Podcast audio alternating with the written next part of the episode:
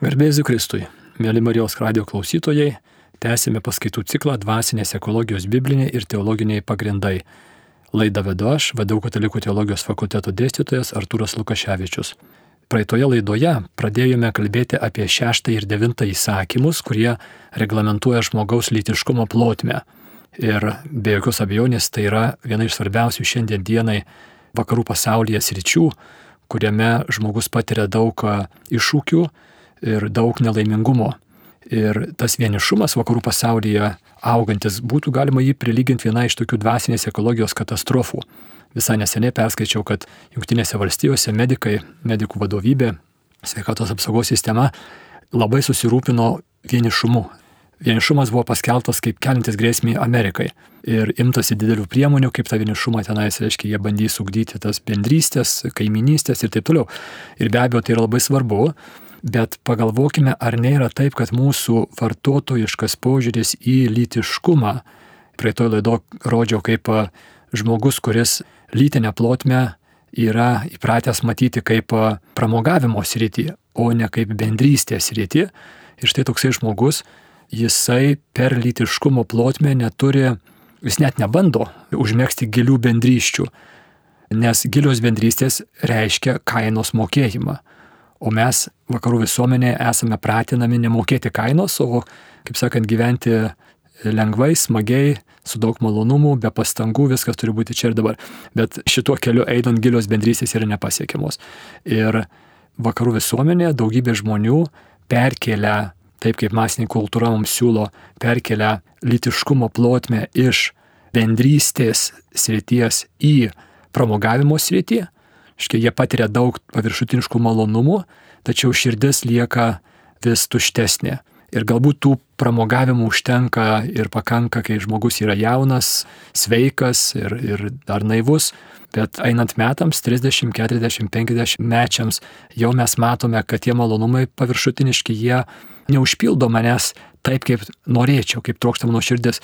O jeigu aš ugdžiausi lytiškumo plotmėje būti vartotoju, Tai reiškia būti santykiuose tik tai tol, kol smagu, pagal Skoto Peko tuos keturis etapus praeitoj laidoj, kur minėjau, tik pirmajame etape, tai tada aš neturiu galių, neturiu vidinių struktūrų įeiti ir praeiti sėkmingai antrąjį ir trečiąjį etapus, kurie yra sunkus. Tas kovos, kovos chaoso etapas ir trečiasis etapas, dykumos etapas. Ir daugybė žmonių, reiškia, jie yra įstrigę pirmame etape. Su vienu žmogum pabando, kol smagu, kol, kol sunkumai prasideda, įsiskiria, su kitu vėl, reiškia, kol smagu yra tam Skoto Peko nusakytam tam pseudo bendruomenės rožinio akinutam laikotarpyje, emocinio pakilimo, kur pastangų nereikia, tiesiog viską, viską emocijos daro, bet tas pirmas etapas nėra gilios bendrystės jame.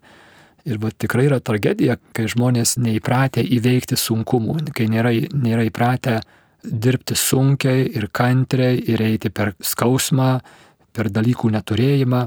Tai va čia yra didžiulė problema. Ir visiškai tuščias toks guodimasis arba sakymas, kad, nu tai dabar tokie laikai, dabar visi taip daro. Tai nieko nekeičia, kad visi taip daro, daug kas taip daro. Tai nieko nekeičia visiškai, nes žmogus nuo to, kad kiti laikai žmogus nepasikeitęs, žmogaus prigimtis vis tiek trokšta bendrystės, trokšta gilios bendrystės, trokšta nebūti vienišas. Ir tai, kad šiuose laikuose mes su savo litiškumu elgiamės labai vartotojiškai ir pramogavimui daugiausiai skiriame jį, tai tiesiog rezultatai bus nu, tie patys. Ir, ir viena iš tokių problemų tai yra tas vienišumas. Reiškia, nu neišvengiamai būsim labai vieniši, nes labai svarbu įrankį skirtą bendrystės ūkdymui perkeliame iš, išėmėme iš bendrystės ryties ir perkeliame į pramogavimo plotmę.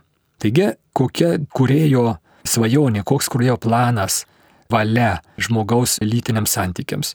Šventas raštas ir bažnyčios katekizmas, remdamas iš šventų raštų, sako, kad lytiniai santykiai turi suvienyti dvi tokias sritis savyje, reiškia lytinis aktas ir lytiniai veiksmai, pagal kurio planą turi suvienyti prokreacija, tai yra naujos gyvybės kūdikio pradėjimo momentas turi būti, atvirumas gyvybei. Ir antras, toksai sudėdamoji dalis antroji turėtų būti sutuoktinių vienybės ugdymas.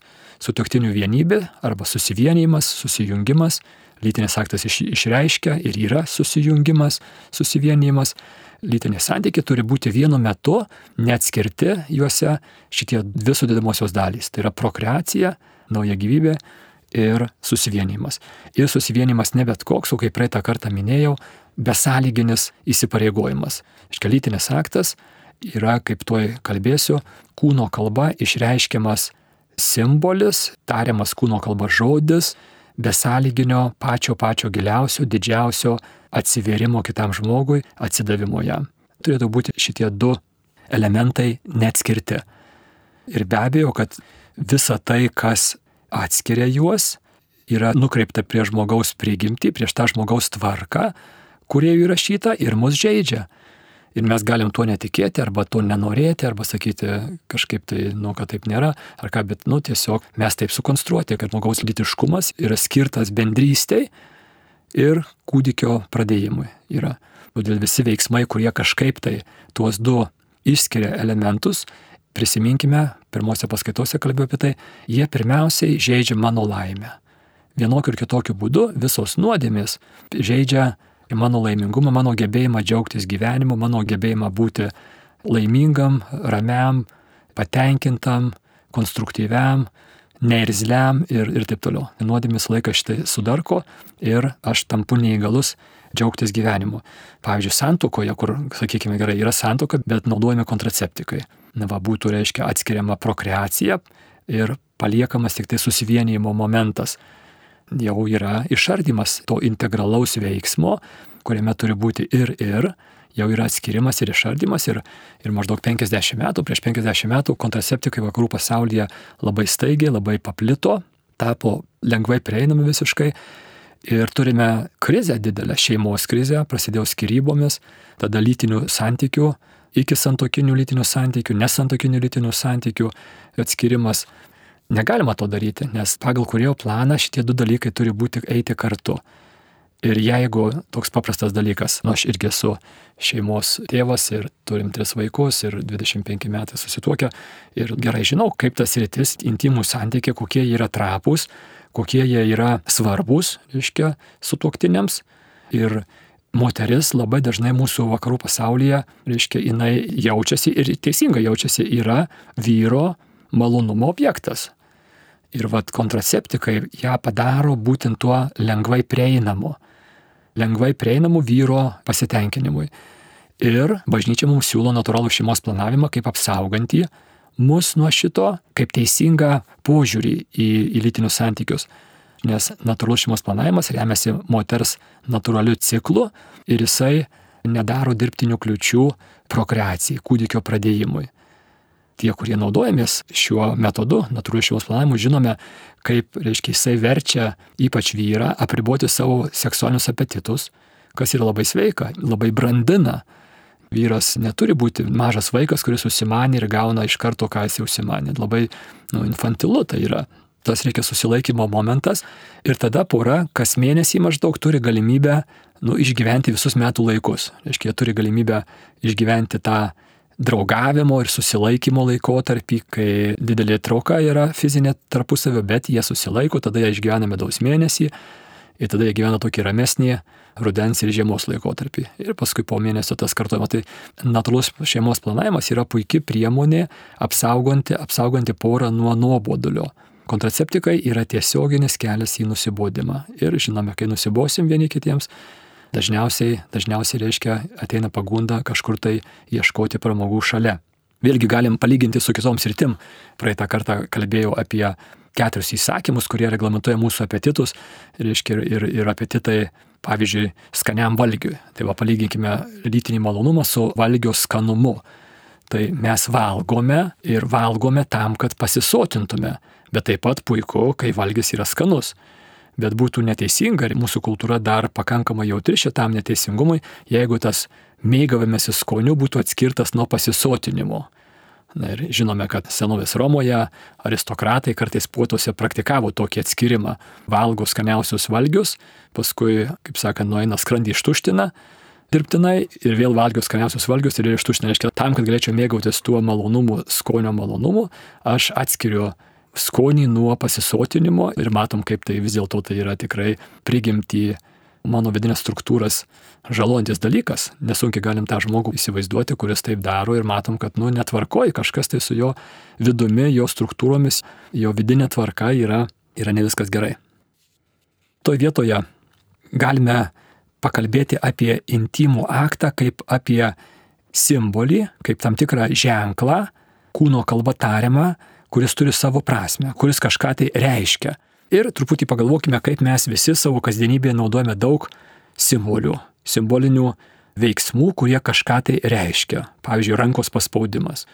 Tai nėra beprasmis dalykas, jis turi prasme. Reiškia, paspausdamas ranką aš išreiškiu tam tikrą artimumą, palankumą, draugiškumą, bet tai gana toksai tas draugiškumas, artimumas nėra didelis. Mes galim paspausti ranką reiškia žmogui, su kuriuo susipažįstam, darbininkui ar darbdaviui, toksai tas rankos paspaudimas, gerai žinom, ką jisai reiškia. Paskui, pavyzdžiui, bučinys, jau jisai reiškia didesnį palankumą, didesnį artimumą, žinom, kaip tinkamai, adekvačiai naudoti šitą išorinį ženklą bučinę, ne?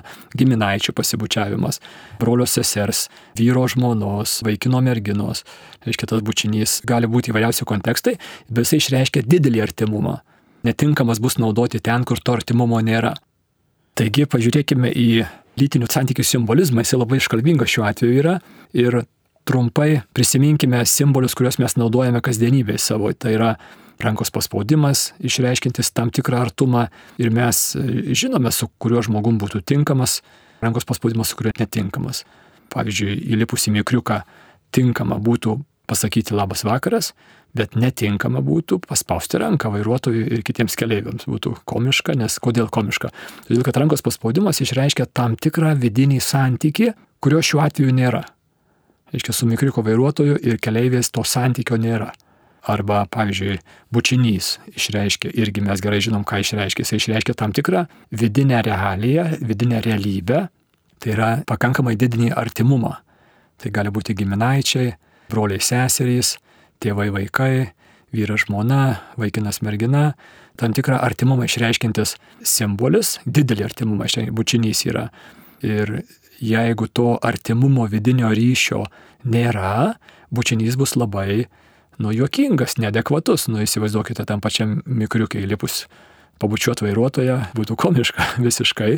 Kodėl? Todėl, kad nėra tos vidinės realybės, nėra, kurią bučinys išreiškia. Tai va šitom atveju mes matome tas išorinis simbolis simbolizuoja tam tikrą vidinę realybę. Ir jeigu tos realybės nėra, tai tada tas išorinis simbolis tampa arba jokingu, arba gali būti melagingas. Pavyzdžiui, prisiminkime judo bučinį. Judas bučiniu išreiškė ne artimumą, palankumą, savo mokytojui Jėzui, bet išdavė jį. Tai mes, reiškia, matom, kaip tais išoriniais simboliniais veiksmais mes galime meluoti. Kada mes meluojam? Meluojam tada, kai tas išorinis veiksmas neturi realybės, vidinės realybės, kurią jisai turėtų išreikšti. Ir štai judo bučiniu mes matom, kaip netgi galima, galima meluoti. Tai lytinis aktas yra aukščiausio artimumą išreiškintis simbolis, patį didžiausią artimumą. Jau čia yra daugiau negu bučinys, daugiau negu rankos paspaudimas. Tai yra pati didžiausia, tai yra kūno kalba tariamas simbolinis žodis, išreiškintis vidinę realiją kokią. Patį didžiausią artimumą, patį didžiausią įsipareigojimą. Tai, ką santokinė priesaika išreiškia žodžiais, tai intimus aktas išreiškia kūno kalba. Santokinė priesaika, tas besąlyginis įsipareigojimas, praeitą kartą, kur aptariau, aš imu tave savo žmoną ir prisiekiu visada būti tau ištikimas, ar laimė lydės, ar vargas suspaus, ar savigada atvers, ar lygos suims, visą gyvenimą tave mylėsiu ir gerbsiu. Aš būsiu tavo pusėje, tavo svajonės mano svajonės, tavo skausmai mano skausmai. Dviejų asmenų iš meilės susivienijusių, išliekančių atskirais asmenimis, bet susivienijusiais iš meilės, reiškia gyvenimas vieno gyvenimo. Tai būtų Santokinė priesaika tai išreiškia žodžiais, o intimus aktas tai išreiškia simboliniais veiksmais.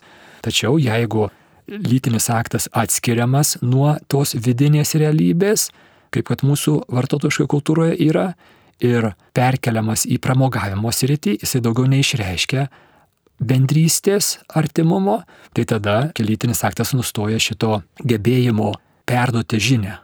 Jisai jau ne, neperduota tos žinios, kad aš esu tavo visiškai, besąlygiškai, iki mirtis mus išskirs. Tai yra ta žinia, kurią žodžiais išreiškia santokinė priesaika, jau lytinis aktas neperdoda. O ką jisai perdoda? Nu, jisai iš esmės, kaip sakant, tampa tokiu hedonistiniu malonumų ieškojimu, papramogavimu. Gal aš jaučiu tau potraukį ir, ir man būtų malonu su tavim praleisti savaitgalį, arba galbūt tenai vasarą, arba kol mums nusibos.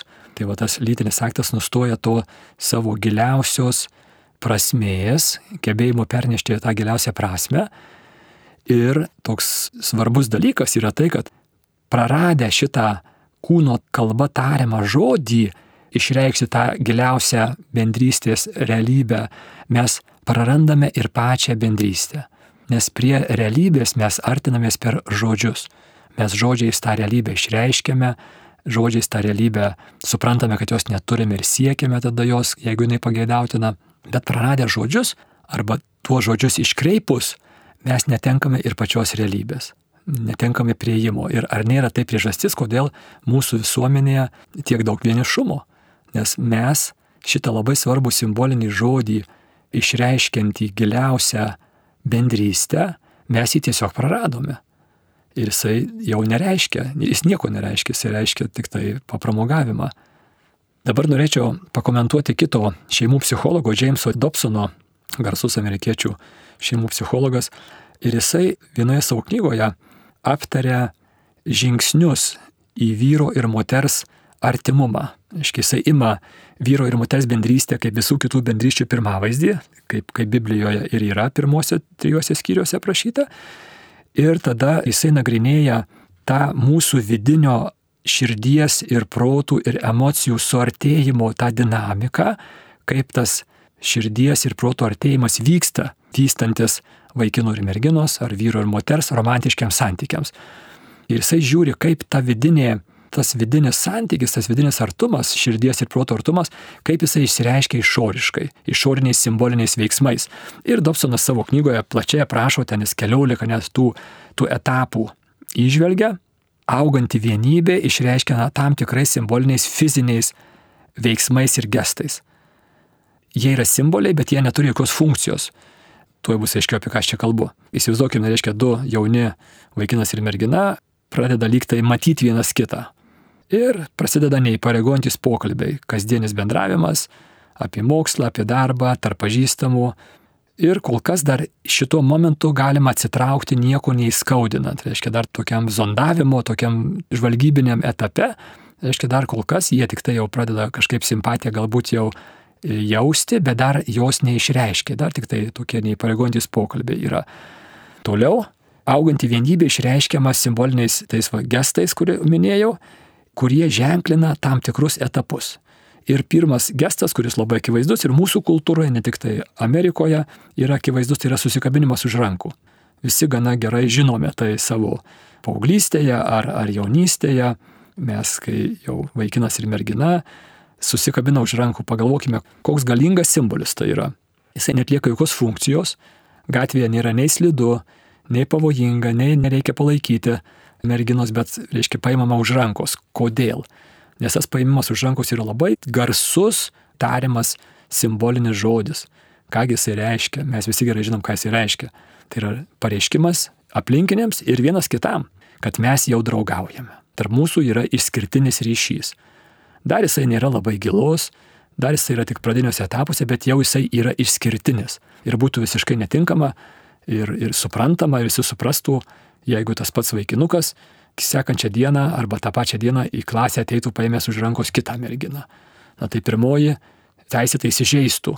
Ir vaikinukas nesakytų, ko tu čia įsižeidži, tai aš tiesiog va, vieną paimu už rankos, kitą paimu už rankos. Ne, reiškia, tas paimimas už rankos yra žodis, kurio reikšmę mes gerai žinome. Ir ta reikšmė yra ši, kad mūdu esame išskirtiniuose santykiuose. Ir netinka šitiems santykiams ateiti už rankos paėmus kitą merginą. Tada Dobsonas ten kalba apie apkabinimą per pečius, per liemenį, žiūrėjimas vienas kitam į akis ir mūsų Lietuvos kultūroje irgi tie simboliai yra vienaip ar kitaip, bet man atrodo, sekantis labai ryškus simbolis yra bučinys. Paėmimas už rankos ir tada yra po kažkiek tai laiko augant širdžių ir protų ir emociniai vienybei, tam artėjimo procese vykstant, yra bučinys. Kuris išreiškia jau tą augantį didėjantį vienumą, artumą išreiškia. Dobsonas labai, labai įspėja, kad bendrystės ūkdymas yra ilgas procesas. Ir štai jeigu mes išorinius simbolius pagreitinsime, tai mūsų širdžių ir protų vienybė nuo to nepagreitės. Kas yra iš tikrųjų didelė bėda mūsų masinėje kultūroje. Mes labai skubame su išoriniais gestais, tačiau neturime, tie gestai neatspindi adekvačiai vidinės proto ir širdies vienybės. Ir tada tie gestai tampa tušti, jie, jie neišreiškia vidinės kelionės. Ir tada problema yra ta, kad iš esmės vidiniai kelionė sutrinka, nes jai reikalingi išoriniai matomi ženklai, tam tikri matomi tokie stulpeliai, kur mes jau nukeliavome. Dobsonas sako, augant toliau bendrystėje, eina kiti etapai - plaukų glostimas, veidų lietimas, kūno lietimas ir galų gale pats stipriausias vienybė išreiškinti žodis yra intimų santykiai, kurie turi galę išreikšti besąlyginį įsipareigojimą. Tai yra sakyma, aš esu tavo visiškai tai, ką išreiškia santokinė priesaika. Bet gali ir neišreikšti. Ir mes matome mūsų masinėje kultūroje, kur intimų santykiai neišreiškia to besąlyginio įsipareigojimo. Ir tikrai, tikrai mes galime jį naudoti kitaip, tačiau bėda yra ta, kad tada mes neturime kito žodžio, mes netenkame vienintelio žodžio, kuris turi galę išreikšti besąlyginį įsipareigojimą. Ir kai mes tą žodį sunaudojame kitom prasmėm mes jau neturime kito žodžio išreikšti besąlyginį įsipareigojimą ir besąlyginis įsipareigojimas tampa mums sunkiai pasiekiamas, nes mes neturim žodžio jį išreikšti. Prie realybės mes artinamės naudodami žodžius, arba verbalinius žodžius, arba simbolinius žodžius. Ir šiuo atveju lytinis aktas yra tai, kas gali išreikšti, bet jeigu žmogus pasirinko lytinį aktą naudoti kitais būdais, tikrai galima, tada jisai išreiškia tik tai gal simpatiją, gal, gal lytinio potraukio sustiprėjimą, bet ne besąlyginį įsipareigojimą. Galim prisiminti mažąjį princą. Atsimenate, kaip mažasis princas susidraugavo su lapė. Sakė, reikia ateiti kiekvieną dieną tuo pačiu laiku, atsisėsti ant suoliuko ir galima sekančią dieną jau ateiti ir atsisėsti truputį arčiau. Ir dar arčiau, ir dar arčiau. Ir išlėto, išlėto, išlėto, reiškia tas. Vėl mūsų masiniai kultūrai greito maisto, greito, greito tempo kultūroje mes neturim kantrybės bet niekas nesikeičia nuo to. Žmogaus prigimtis lieka ta pati. Mes visi esam tie lapės ir tie mažieji princai ir mums reikia išlėto. O jeigu neišlėto, tiesiog bendrystė neužauga ir, nu ką, turim tą didelį vienišumą. Žmogaus širdis trokštanti bendrystės, bendrystės nėra, problemos su mūsų prigimties neišpildymu. Taigi šitoje vietoje galima pažiūrėti į katekizmę nurodytus nusižengimus šitoje srityje. Visi tie nusižengimai atskiria prokreaciją nuo susivienimo momento, kuris yra malonus, kuris taip pat yra malonus. Ir gyvenam kultūroje, kur galima atskirai turėti vaiką, vaiko pradėjimą mėgintuvėlyje, ar kitais būdais, ar pakaitinė motina. Ir mes turim daug malonumo atskirtų nuo prokreacijos. Bet ar mūsų kultūra yra laimingesnė, ar jinai yra dvasiškai ir psichiškai sveikesnė, nu, tikrai psichiniai sutrikimų epidemija rodo, kad tikrai nesame. Ir vienišumo epidemija milžiniška. Ir aš irgi neseniai sužinojau, kad dideliai daly išsivyščiusių šalių, Anglijoje, Vokietijoje, yra vienišumo ministerijos. Tai yra ištisa ministerija, yra ministras, kurio darbas yra rūpintis vienišumo problemos mažinimu. Reiškia, ta problema pasiekė tokį lygį, kad reikalinga atskira ministerija. Šalia ten finansų ministro ir ten kokio vidaus reikalų ministro yra, yra vienišumo ministras galim įsivaizduoti, kokio lygio problema yra.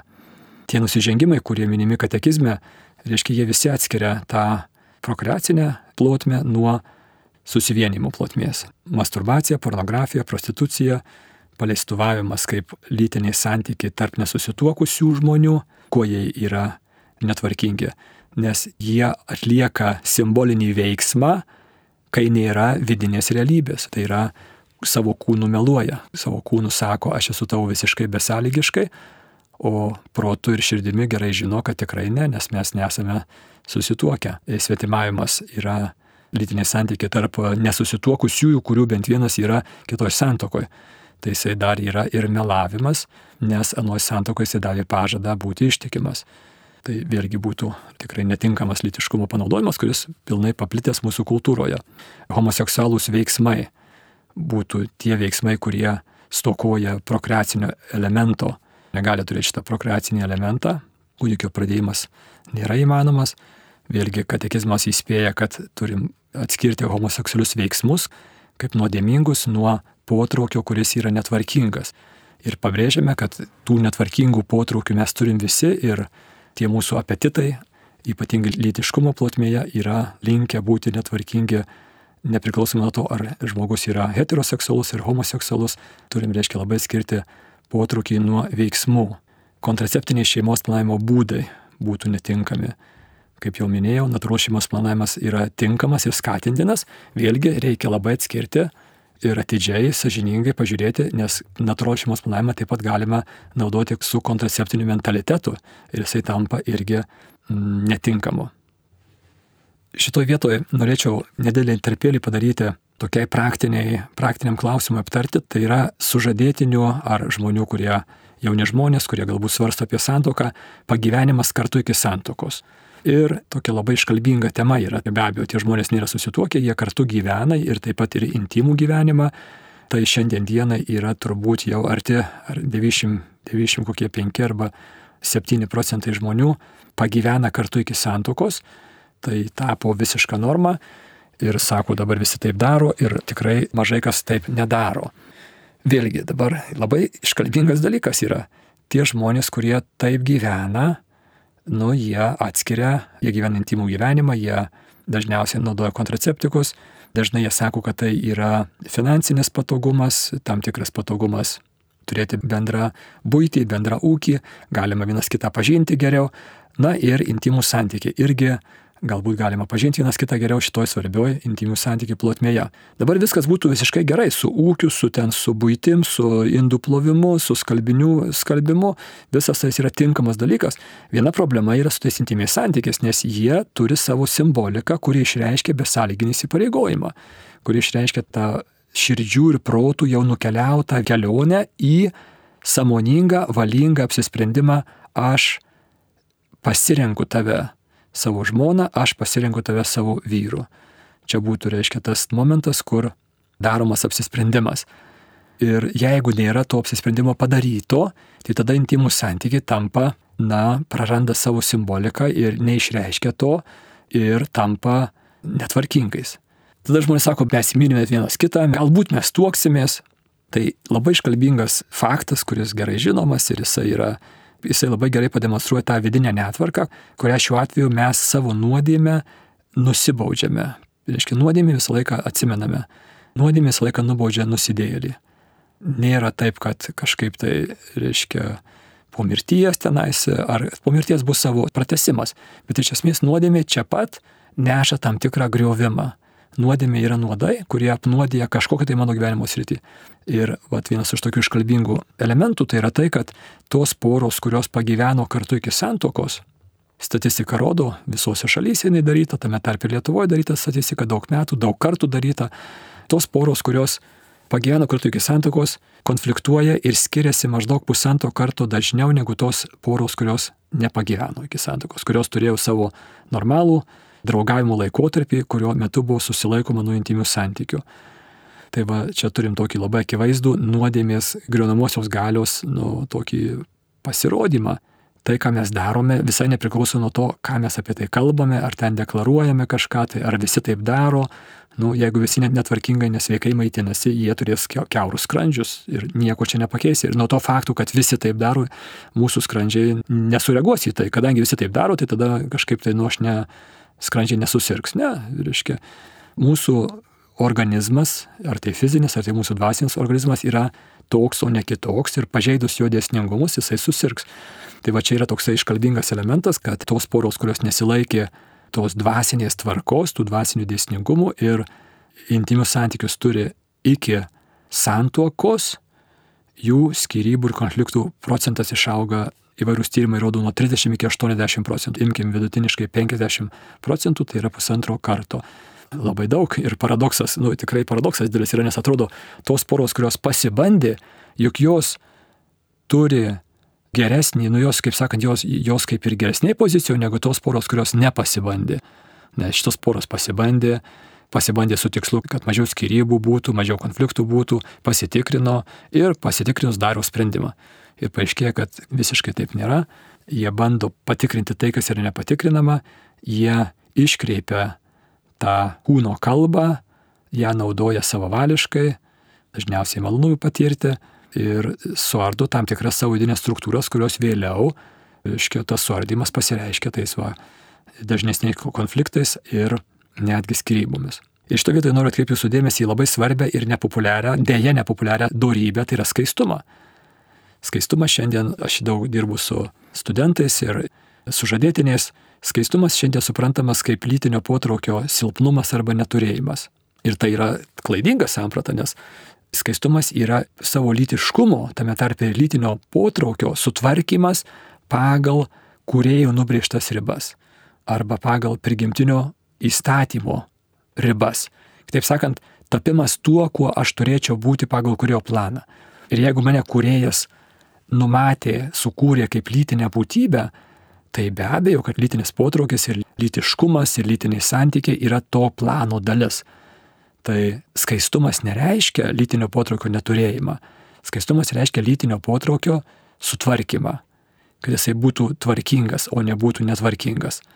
Ir pagal kurio planą lytinis potraukis yra nukreipiamas į asmenų bendrystę. Labai galingas ginklas, labai galingas įrankis auginti tą asmenų bendrystę iki besąlyginio įsipareigojimo, atviro gyvybei, ką mes turime santokoje. Ir už tai bet kuri lytinio potraukio panaudojimas pačiam sprendžiant, kas mane padarys laimingą. Atsimenate, gundytojas mus pradžios knygoje kvietė patiems spręsti, kas gera ir kas bloga. Patiems spręsti, kas mane padarys laimingą. Ir lytiškumo plotmėje mes esam ypač stipriai gundomi patys spręsti, kas mane padarys laimingą. Skaistumas būtų pasipriešinimas šitam gundimui ir lytinio potraukio nukreipimas asmenų bendrystė išreikšti ir stiprinti, tai yra į santoką. Be abejo, tai bus nelengva, nes gyvenam labai erotizuotoje kultūroje, nėra lengva ugdyti šitą nevartotojišką požiūrį į kitą žmogų, bet kito kelio nėra. Jeigu norim būti laimingi lytiškumo plotmėje, tai skaistumas yra vienintelis kelias. Užbaigsime mūsų žvilgsnį į lytiškumą sekantį kartą. Dar noriu priminti apie galimybę tiems, kuriems šita tema yra įdomi, kurie domisi dvasinė ekologija, kad Liepos 9-16 dienomis šventojo vyks stovykla seminaras Dvasinė ekologija visiems. Tuo seminaro metu gana įtempta savaitės trukmės programa, paskaitos su diskusijomis bus galima asmeniškai išsiaiškinti šituos klausimus mūsų sielos, organizmo sveikatos ir susirgymų. Taip pat bus fiziniai pratimai, fiziniai užsiemimai, kurių metu bandysime tą tokį integralų krikščionišką požiūrį į žmogų kaip kūno ir sielos vienovę, kur labai stokojame. Daug žmonių fizinius pratimus ieško kokios tai jogos ar kažkur tai kitur, tai bandysime iš krikščioniškos perspektyvos pažiūrėti į žmogų kaip kūno ir sielos vienovę ir mūsų kūno sveikata, ir sielos sveikata, ir psichinė sveikata yra integrali, mes negalim kažkaip tai atskirti. Tai stovykla skirta visiems, kurie domisi šiais klausimais. Daugiau informacijos rasite suvedę internete pavadinimą Dvasinė ekologija visiems.